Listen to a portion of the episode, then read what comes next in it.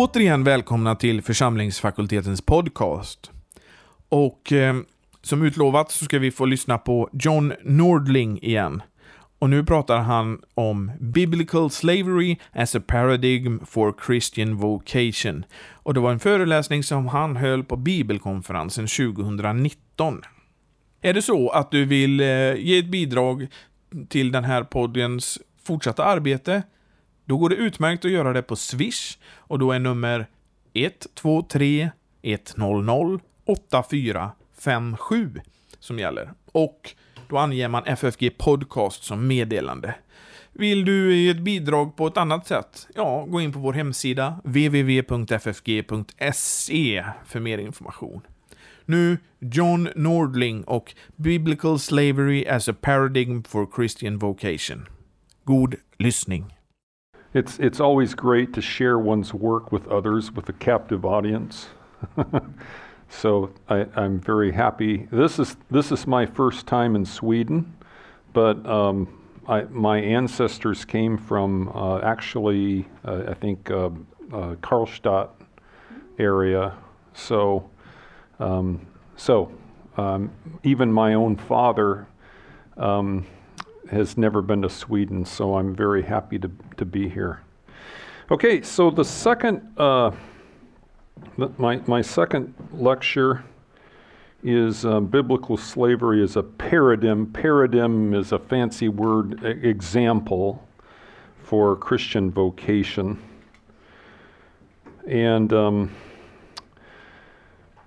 uh, I, I, if you can um, accept what I said at the first lecture about just how ancient slavery functioned, uh, the next step is to get you to see that that maybe biblical slavery is still pertinent for being a Christian uh, today, and uh, uh that that there is, um, if I may put it, a, a theology to slavery, a theology to slavery.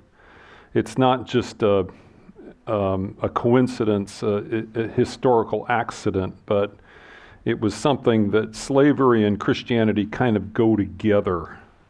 Um, so, and I think that Luther, Luther's understanding of vocation, many of the of the insights that he says um, I think, come from that aspect of the New Testament, which I hope to demonstrate now. So, um, kind of to continue uh, where I was last time, once again, uh, when moderns look at, at slavery, this is typically what comes to mind. Um, uh, African persons of African descent serving lighter skinned people so I don't know anything really about this painting. Um, the dinner, 1839, a white couple being served and fanned by black slaves. It looks like it may be from Jamaica or Haiti or something like that. Um, uh, in antiquity, um, here is a here is a black figure vase slaves work on an agricultural estate uh, by the Antimenes painter from the British Museum. Now, these are, these are black figure. Uh, if you know anything about ancient um, pottery, you have black figure and then you have red figure vases. Then you have faience. That's kind of the order that they are. The black figure vases are earlier. They're like mid 5th century BC, and then red figure starts at about 420 and later uh, BC. So, um, because they're black, this, this does not talk about what race they are. That's all figures. Here's, here's a guy that's knocking olives out of a tree with a stick. So, so these are, these are um, uh, slaves working on an agricultural estate, or so it's thought to be.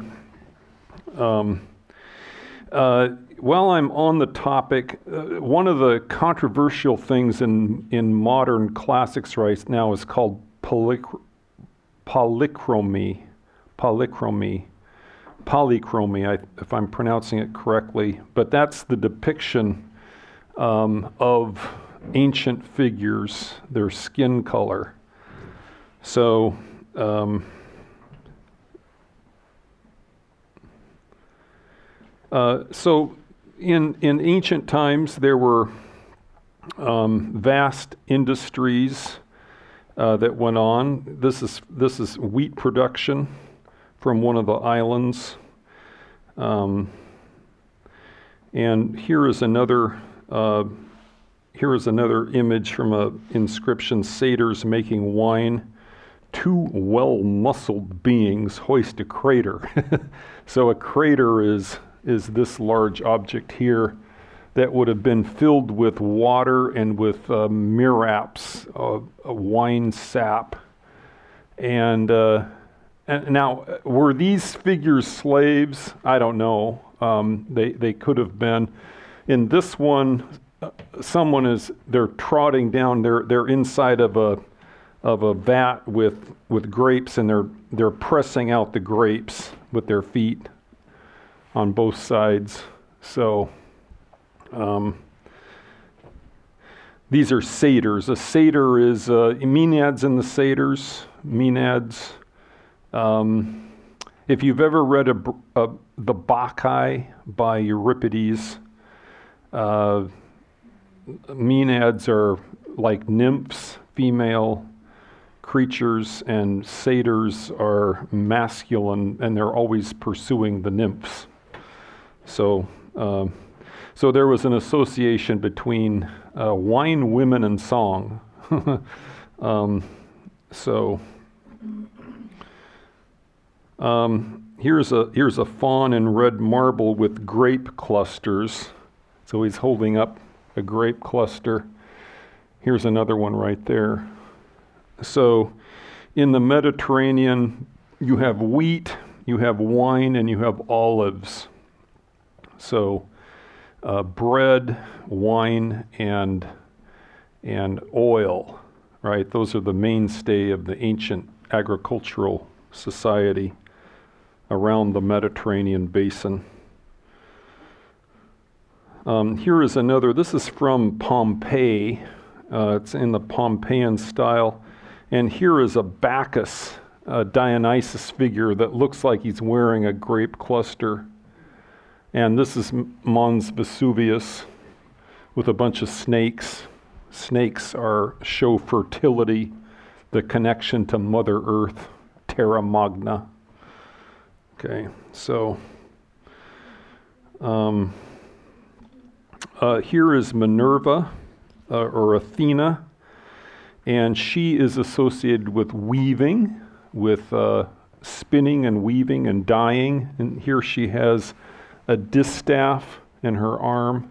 And my own wife loves to weave. Have you seen her website yet? I haven't seen You haven't seen it? Okay, well, you'll see it. My, my wife loves, she's an art, a textile artist, and she loves to weave and to spin and dye. So she takes on the uh, skills associated with Athena and, and Minerva and wisdom too. Athens is named after Athena. So it's another industry, and, and, and slaves who would have been connected with these industries I've been showing you. And so this is called the distaff right here. And that's what this is right there the distaff, where the wool would be, and you take the wool off and spin it into thread. So, um, here is another industry, Vulcan, like volcanism, volcanoes in English. So the Roman god of the forge, of the smith.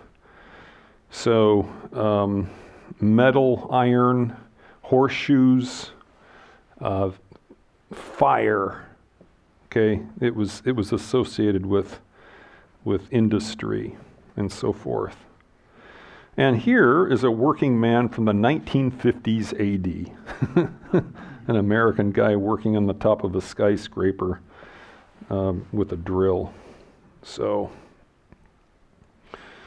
So um, I would argue then that um, if you can accept it, that slavery is paradigmatic. It, it sets an example for the reason why uh, Paul and the other authors mention slavery is not only because there were lots of slaves back then, but also it was meant to set an example for anyone who would be a Christian. That's the argument I'm trying to make. If you can accept it, maybe not, but. So um, it was intended not only for the slaves in the, in, the gen, in the original situation, of course, but for Christians of every time and place, that would include us, who comprise diverse social statuses. Such beings occupy the position of slaves. For example, this is a very long quote. Um, uh, this, this is from 1 Peter 2 18 to 21. So, uh, from 1 Peter, uh, he says, House slaves, hoi oikotai, submit yourselves, hupotasomenoi, with all fear to your masters, tois despotais, not only to those who are good and considerate, but also to those who are crooked Okay, tois skal, skaliois. For it is commendable if, because of the consciousness of God, a man bears up under pains, suffering unjustly. Yet how is it to your credit if you, sinning and being beaten, now this is the word here, uh, kolaphizomenoi, that means like slapped around kolifidzo, slap. Okay, that's, that's what the word means. So, uh, uh, sinning and being beaten, slapped around, endure. But if you, doing good and suffering, endure, this is commendable before God. For to this you were called, because even Christ suffered for you. Hati kai Christos epothen hyperhumon leaving behind an example. There's the word, an example for you. Humin hippolympanon, uh, hippolympanon, hypogramon, hypogramon, example that you should follow in his footsteps. Hina ep akalu sete tois iknesen autu from 1 Peter 2, 18 to 21. So this is a part of First Peter that uh, may have been pitched at slaves. Some people think that this was a catechetical set piece. It could have been a baptismal homily. I mean, there's a number of possibilities for this particular text. Here, Peter seems to have envisioned a number of worst case scenarios for the slaves. Uh, first, he, he talks about crooked masters, uh. They're crooked, uh, okay? They're bent, they're depraved. You can't trust them. That's the master. Uh, secondly, uh, he, he, has sinning and being beaten. So, kolaphizomenoi. Okay, so, you know, humiliating slaves, putting them in their place. That was done routinely. Um, uh, so there was physical abuse and beatings involved. Um, if the letter recipients were to ask, we are to submit and suffer in the same way, homoios, as who, uh, the implied answer would be um, in the same way as the slaves, so that's they're they're put forth as an example, or better, um, in the same way as Christ. Okay, so Christ is presented as a, a slave par excellence. Um, the passage could have been a catechetical set piece familiar to all the Christians who received the letter to all of them, not just to the, to the servile audience, but also the free persons. Um, leaving behind an example for you. For you is in the plural, who mean for you all. So, uh, that we may follow in his footsteps. Uh, so, is this, is this just merely ethical? Is it uh, a piece of kind of ethical exhortation, paraenesis? Or um, uh, is there more to it than that? So at the beginning, I suggested that biblical slavery remains, remains pertinent to actually being a Christian still today. That's, that's the point I'm trying to make.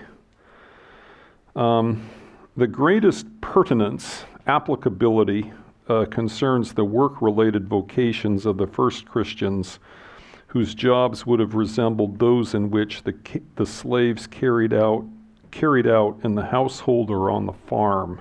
So I'm going to go through some of these slave industries and professions now. It's kind of interesting. Um, and my source for this is K.R. Bradley, uh, who's the American classicist who, who has dealt most thoroughly with slavery. Um, he, he says there were virtually limitless jobs. No, no occupation in Roman society was closed to slaves. He says that in Slavery and Society at Rome. And by the way, he was, uh, Daniel was very kindly talking about my commentary on Philemon. Dr. Bradley, K.R. Bradley, he, he reviewed the first half of this, which is on slavery for, that, for me.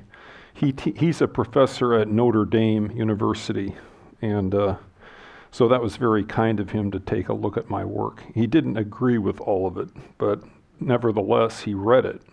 That's nice, you know, for me. So, K.R. Bradley.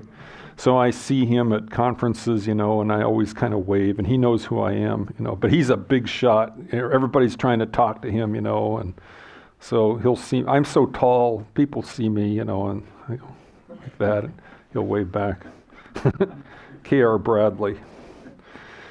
Um, th- then there's another uh, scholar named Treggiari, and she counted some 78 different jobs that slaves performed in the household of Livia at Rome in her article Domestic Staff.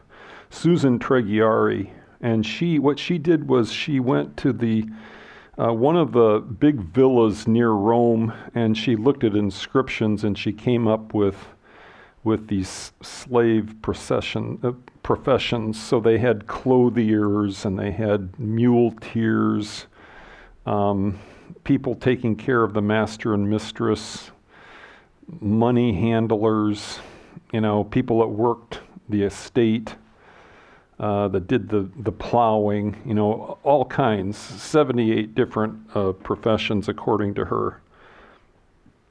Uh, while no comparable list exists in the Bible, the New Testament writers seem to assume that the first Christians also were comprised of persons who possessed a close proximity to slavery. Uh, like Paul, for example, um, who uh, he had a, a, life as a workman. He was he's called a skenopoios, a maker of skenos of tents in Acts 18:3 tent maker is how that's often translated. Um, this is what Ronald Hock wrote in his uh, monograph called Tent Making. Paul's life was very much that of the workshop of leather, knives, and awls, of wearying toil, of being bent over a workbench like a slave, and of working side by side with slaves of thereby being perceived by others and by himself as slavish and humiliated. So when Paul, you know, when he, you know, Paul, um, unlike myself, um, he didn't take any money. He, he, he went everywhere at his own expense, right? He didn't take any money from anybody. And uh, uh, he would, in fact, stay at a community and work, right? I mean, he, he supported himself. He wouldn't take any money at all from the Corinthians. He kind of is shaming them. He wants them to, to learn the gospel, that it's all by Christ or not at all. So Paul uh, presents himself as, a, as an example of this.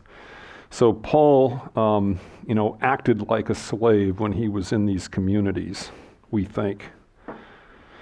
Um, then there were the other apostles too. For example, remember uh, Simon Peter was a fisherman and the other apostles. So they had some type of a fishing business. um, and then Christ. Christ himself was a carpenter, translated for tekton in Mark 6 3, or Matthew calls him ha tu tektonos huios, the son of a carpenter, a word that can be linked to slaves. So he was a he was a skilled worker, right? Somebody, someone that that worked with with wood and other things. We may conclude that the New Testament was intended for the ancient equivalent of every man who, as a contemporary of the events described, possessed a keen understanding of how slavery functioned in ordinary life. Um, now, this is another very long. Now, this is me so I don't like to quote myself, but this is what I say if you'll if you can stand it. Slavery was everywhere. It was as much a part of the fabric of life in ancient times as those technological gadgets that we take so much for granted, like newspapers, planes, um, handheld electronic devices. Only the Essenes at Qumran and the Egyptian Therapeutae appear to have rejected slavery in principle.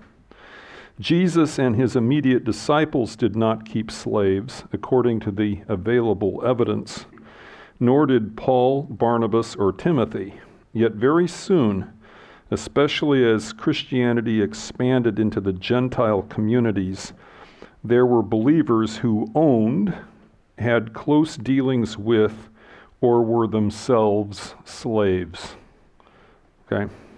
So, um, I argue, moreover, that there was there is a correlation between the uh, quasi servility of the first Christians and what many continue to call the doctrine of Christian vocation still today.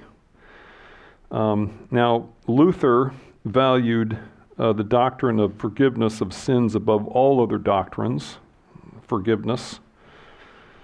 Um, yet his writing is concrete and practical. Uh, so God grants absolution through the gospel to Christians of widely varying vocations in this life.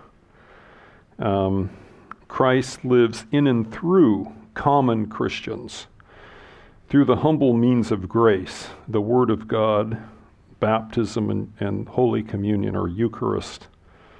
Okay, so there's a connection to physical things, Luther would say.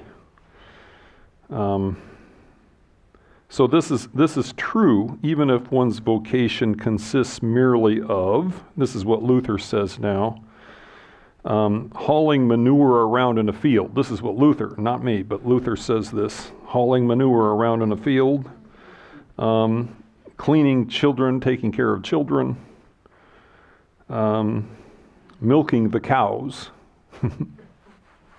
okay. uh, hoeing the garden, right?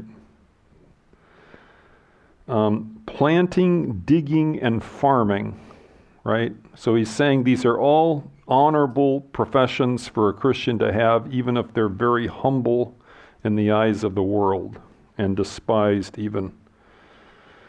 Um, wielding the sword as a soldier or a grim executioner, even that person has a, a legitimate vocation in Luther's opinion. Um, he says, An executioner is better than a prior or an abbot, for this function has been entrusted by God. In Luther's Works, volume 28. Notice most of these activities are redolent also of tasks that ancient slaves performed that I started with, the different agricultural tasks that they did. So, Luther's general understanding of the Christian life is this God gives you office so that you may serve. It's in Latin Deus dedit officium ut servias. Okay, that's what he says. So, the office that God has given you, like being a pastor, he lets you be a pastor not so that you can be so famous, but so you can serve others, right?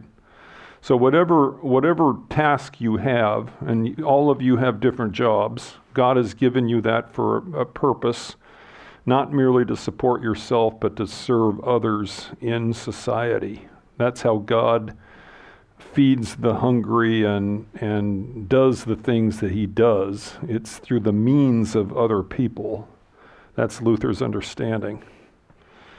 Um, so, uh, also princes people that have, have important positions. The rare Christian prince is at the same time a servant of all, since he genuinely puts the affairs of his subjects a- ahead of his own. So a good king uh, isn't just a king so that he can, you know, do what kings do, go hunting and wenching and other things like that, but he, he cares about his subjects a good a good king does that. So, um, and he was he was talking here about Frederick the Wise. Uh, indeed, now this is this is important here. Uh, those very opportunities in life that seem at first to be so attractive to a Christian, and if you if you're a human being, you've been through this, like loving your spouse, you know the the man or the woman that you choose as a spouse um, pursuit of education. You know, in my case, I wanted to be a classicist. Okay, I went that direction. Um, just today, I got to know um, the Bergerson's daughter, Karin, who is a concert pianist. She's trained very long and hard for that. So uh, it, you, you set your sights on something and you go for it, right? That's what you do. Um, so, pursuit of education or money, maybe money is your thing. That's what attracts you. Uh, the enjoyment of your job, they end up placing greater burdens on a believer than if such aspirations had not been realized in the first place. Okay, that's what Luther said. It's a kind of a trap. He, he, he, he traps you into this, uh, this place that you're in. See? And I'm old enough now to, to know how this works because I've had a you know trajectory coming up. Now I'm about here and now about ready to go down in my life. If you live long enough, that's how it is. So this is Luther's understanding, and I think it's a very profound understanding. Um, yeah, I don't have this quote. Hand- well, I might. Uh, page 46 note. Let me see if I have it here since you got this for me. This is great.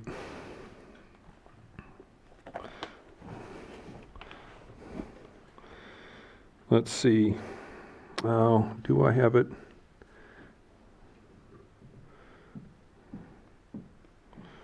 Page 46 note.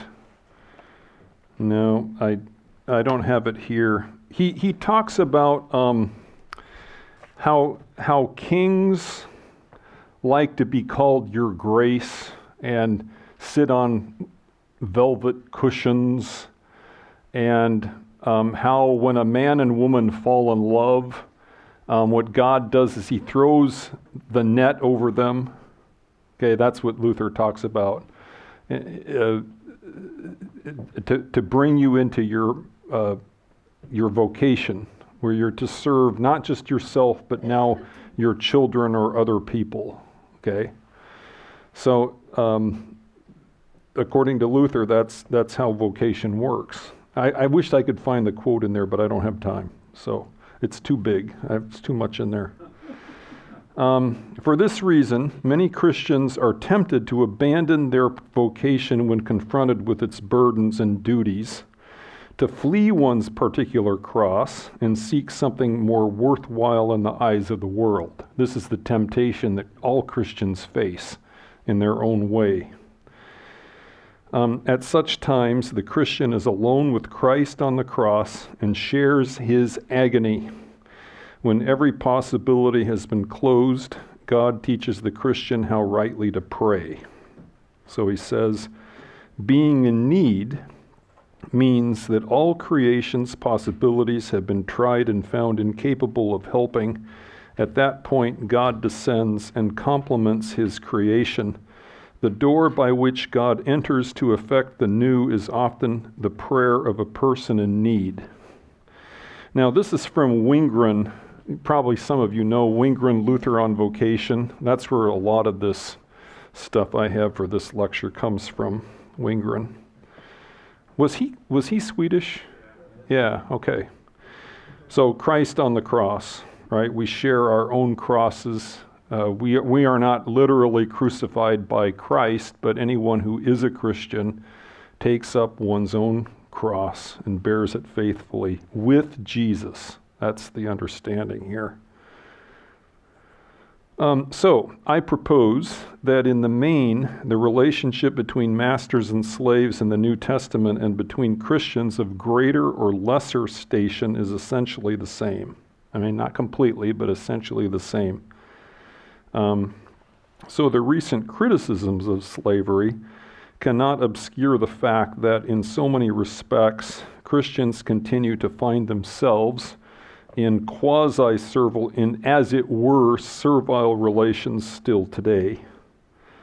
Um, so, now some of you may not agree with me on this point, but if you substitute employees and bosses for douloi, slaves, or kyrioi, masters, uh, there remains still today, long after the legal abolishment of slavery, essentially the same relationships as obtained long ago in the assemblies of the new, in the churches of the New Testament. Um, here, here's one passage that, that I would use to support this shocking point. Um, this is a this is from a, a parenetical piece that Paul gives at the end of Ephesians. Slaves, hoi douloi, be obedient, hupakuete, to those who are your earthly masters with fear and trembling in singleness of heart as unto Christ. Hos to Christo. This little word hos here, right there, is, is a comparison.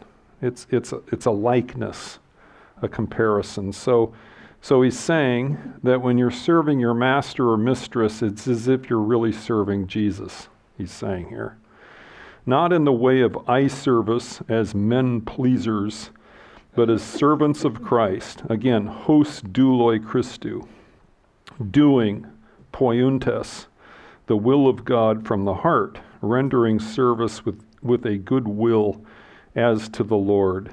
Duliu ontes hos to Kyrio, and not to men. Okay? So Ephesians 6, 5 to 7. Now, let me just interrupt myself here. Have such texts been abused by master classes in history? Of course they have been. You bet. Right? How do you think the, the white slaveholders in the Carolinas, this is the type of text they would use to keep slaves in their place? So they have been abused uh, through history. You have to admit that. But nevertheless, um, uh, that's the encouragement that, that has been given, uh, that Paul gave originally. And there's a, there's a similar one in Colossians, Colossians 3. They're called Haustafel, household codes. So, as unto Christ and not to men. So, so uh, and, and this, it, it is exploitive I mean, you have to admit that it can be used that way. But if you are an employee serving a very difficult uh, employer, um, this is your comfort that uh, that God is going to stand by you and your service is not in vain. It matters, even if it's humiliating, terrible, disgusting work. It still matters. If it's done in faith, it's a good work. If it's useful for society, okay? So it's meant to be a comfort, I think, not, not to be, you know, you, you shouldn't have a, a, a hermeneutic of, of suspicion. You have to let the text say what it says and imagine how it was heard the first time it was said. Okay, so let modern Christians see themselves in this picture then and not simply dismiss what the New Testament reveals about slavery as an outmoded relic of a bygone age. Um, a proper doctrine of vocation holds that God hides himself behind the appearance of those persons to whom Christians are beholden, um, accountable in this world. Um, so, uh, Luther refers to this as the masks of God, the larvae dei. So, um,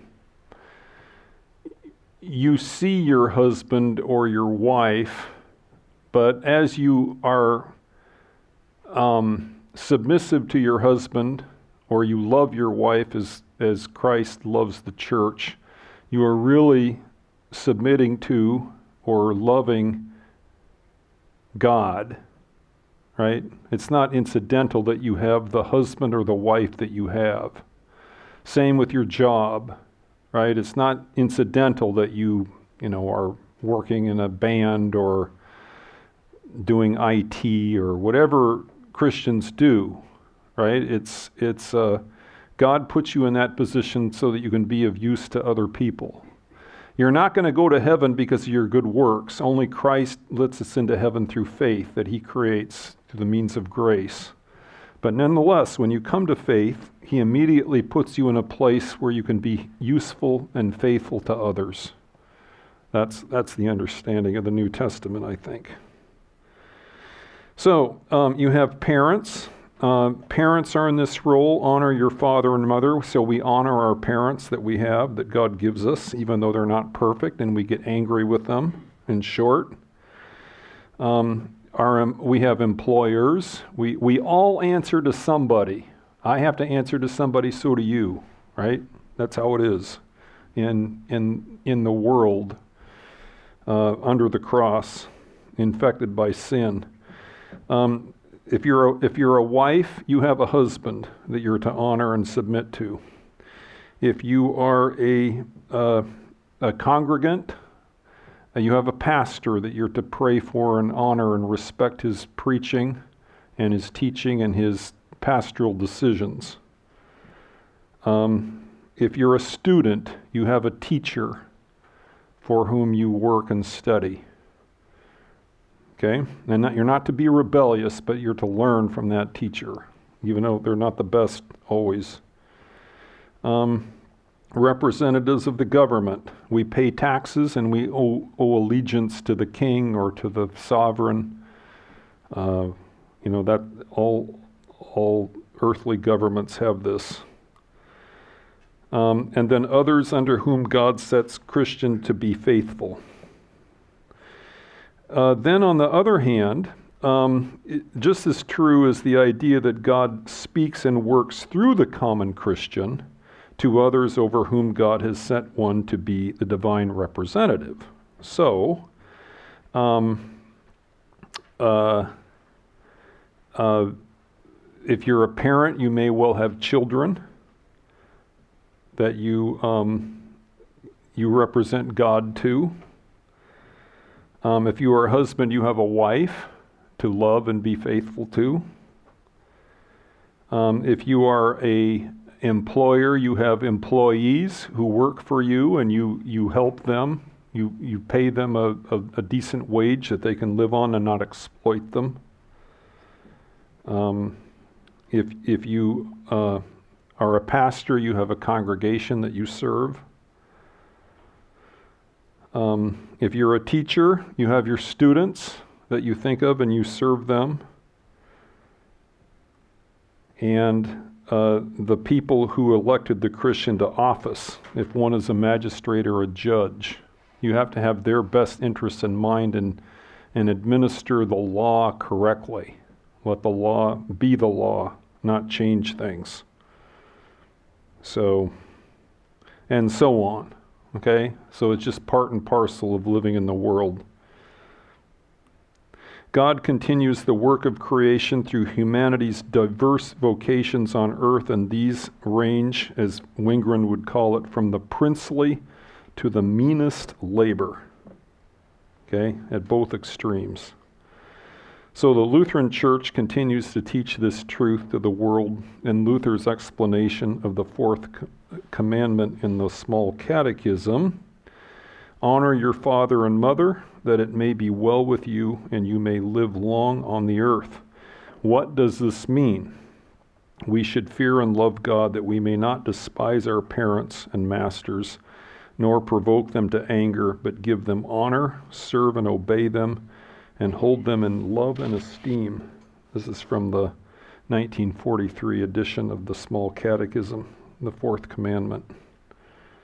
Det var alltså John Nordling och eh, ämnet var Biblical Slavery as a Paradigm for Christian Vocation. Nordling är lärare eh, i Nya Testamentet vid Concordia Theological Seminary i Fort Wayne, USA. Och eh, han har skrivit en bibelkommentar i, till Filemonbrevet i Concordia Commentary-serien. Och just nu så håller han på och arbetar med kommentaren till Filipperbrevet. Det här med Gud och gudsbild i Gamla Testamentet, det är någonting som kommer tas upp under höstens kvällsbibelskola på församlingsfakulteten. Och den är måndagar klockan 18 med början i september. För mer information och anmälan, ja, gå då in på vår hemsida www.ffg.se